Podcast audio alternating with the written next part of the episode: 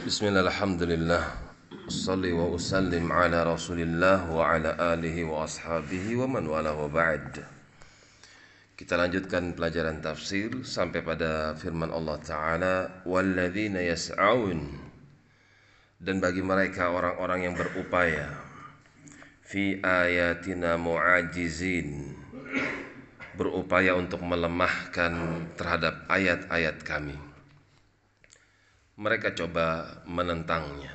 Mereka mencoba untuk menolaknya Dengan berbagai macam cara.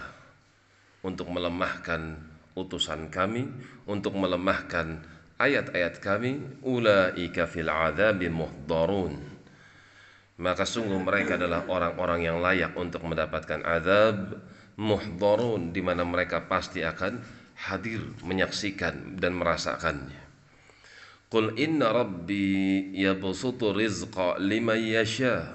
Sampaikan kepada mereka ya Muhammad sallallahu alaihi wasallam Sesungguhnya Tuhanku yaitu Allah Ya besutur rizqa Dialah yang membentangkan rizki Liman yasha'u Kepada orang-orang yang dia kehendaki min ibadih Dari kalangan hamba-hambanya. Yang kaya Maka sungguh Allah yang menghendakinya. Wa yaqadirulah Demikian pula yang sempit rizkinya Maka Allah juga yang menghendakinya Ada yang kaya Ada yang miskin Semua adalah ujian. Wa ma anfaqtum dan tidaklah kalian menafkahkan sesuatu min syai'in apa pun itu bentuknya. Apakah pakaian, apakah makanan, ataukah uang kalian infakkan atas nama diriku. Fahuwa yukhlifuh maka sungguh pasti Allah yang akan memberikan gantinya. Siapa yang berinfak, siapa yang memberikan sodakoh, pasti Allah yang akan memberikan ganti dari apa yang telah mereka sedekahkan. Wa huwa khairu raziqin dan sungguh Allah dia adalah sebaik-baik pemberi rizki.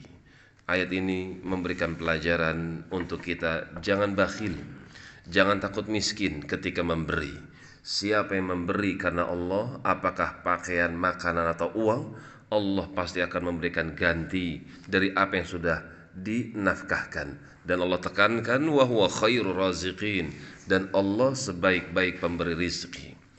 Siapa yang berinfak dan Allah ingin memberikan balasan maka sungguh balasan itu lebih baik dari apa yang diinfakkan. Bisa jadi Allah memberikan balasan berupa kesehatan, bisa jadi Allah berikan kesehatan atau keselamatan disebabkan karena sedekah yang dia berikan atau bisa jadi Allah berikan keluarga yang sakinah, yang rukun, suami, istri, ayah dan juga anaknya disebabkan karena infak yang dilakukan oleh orang tersebut.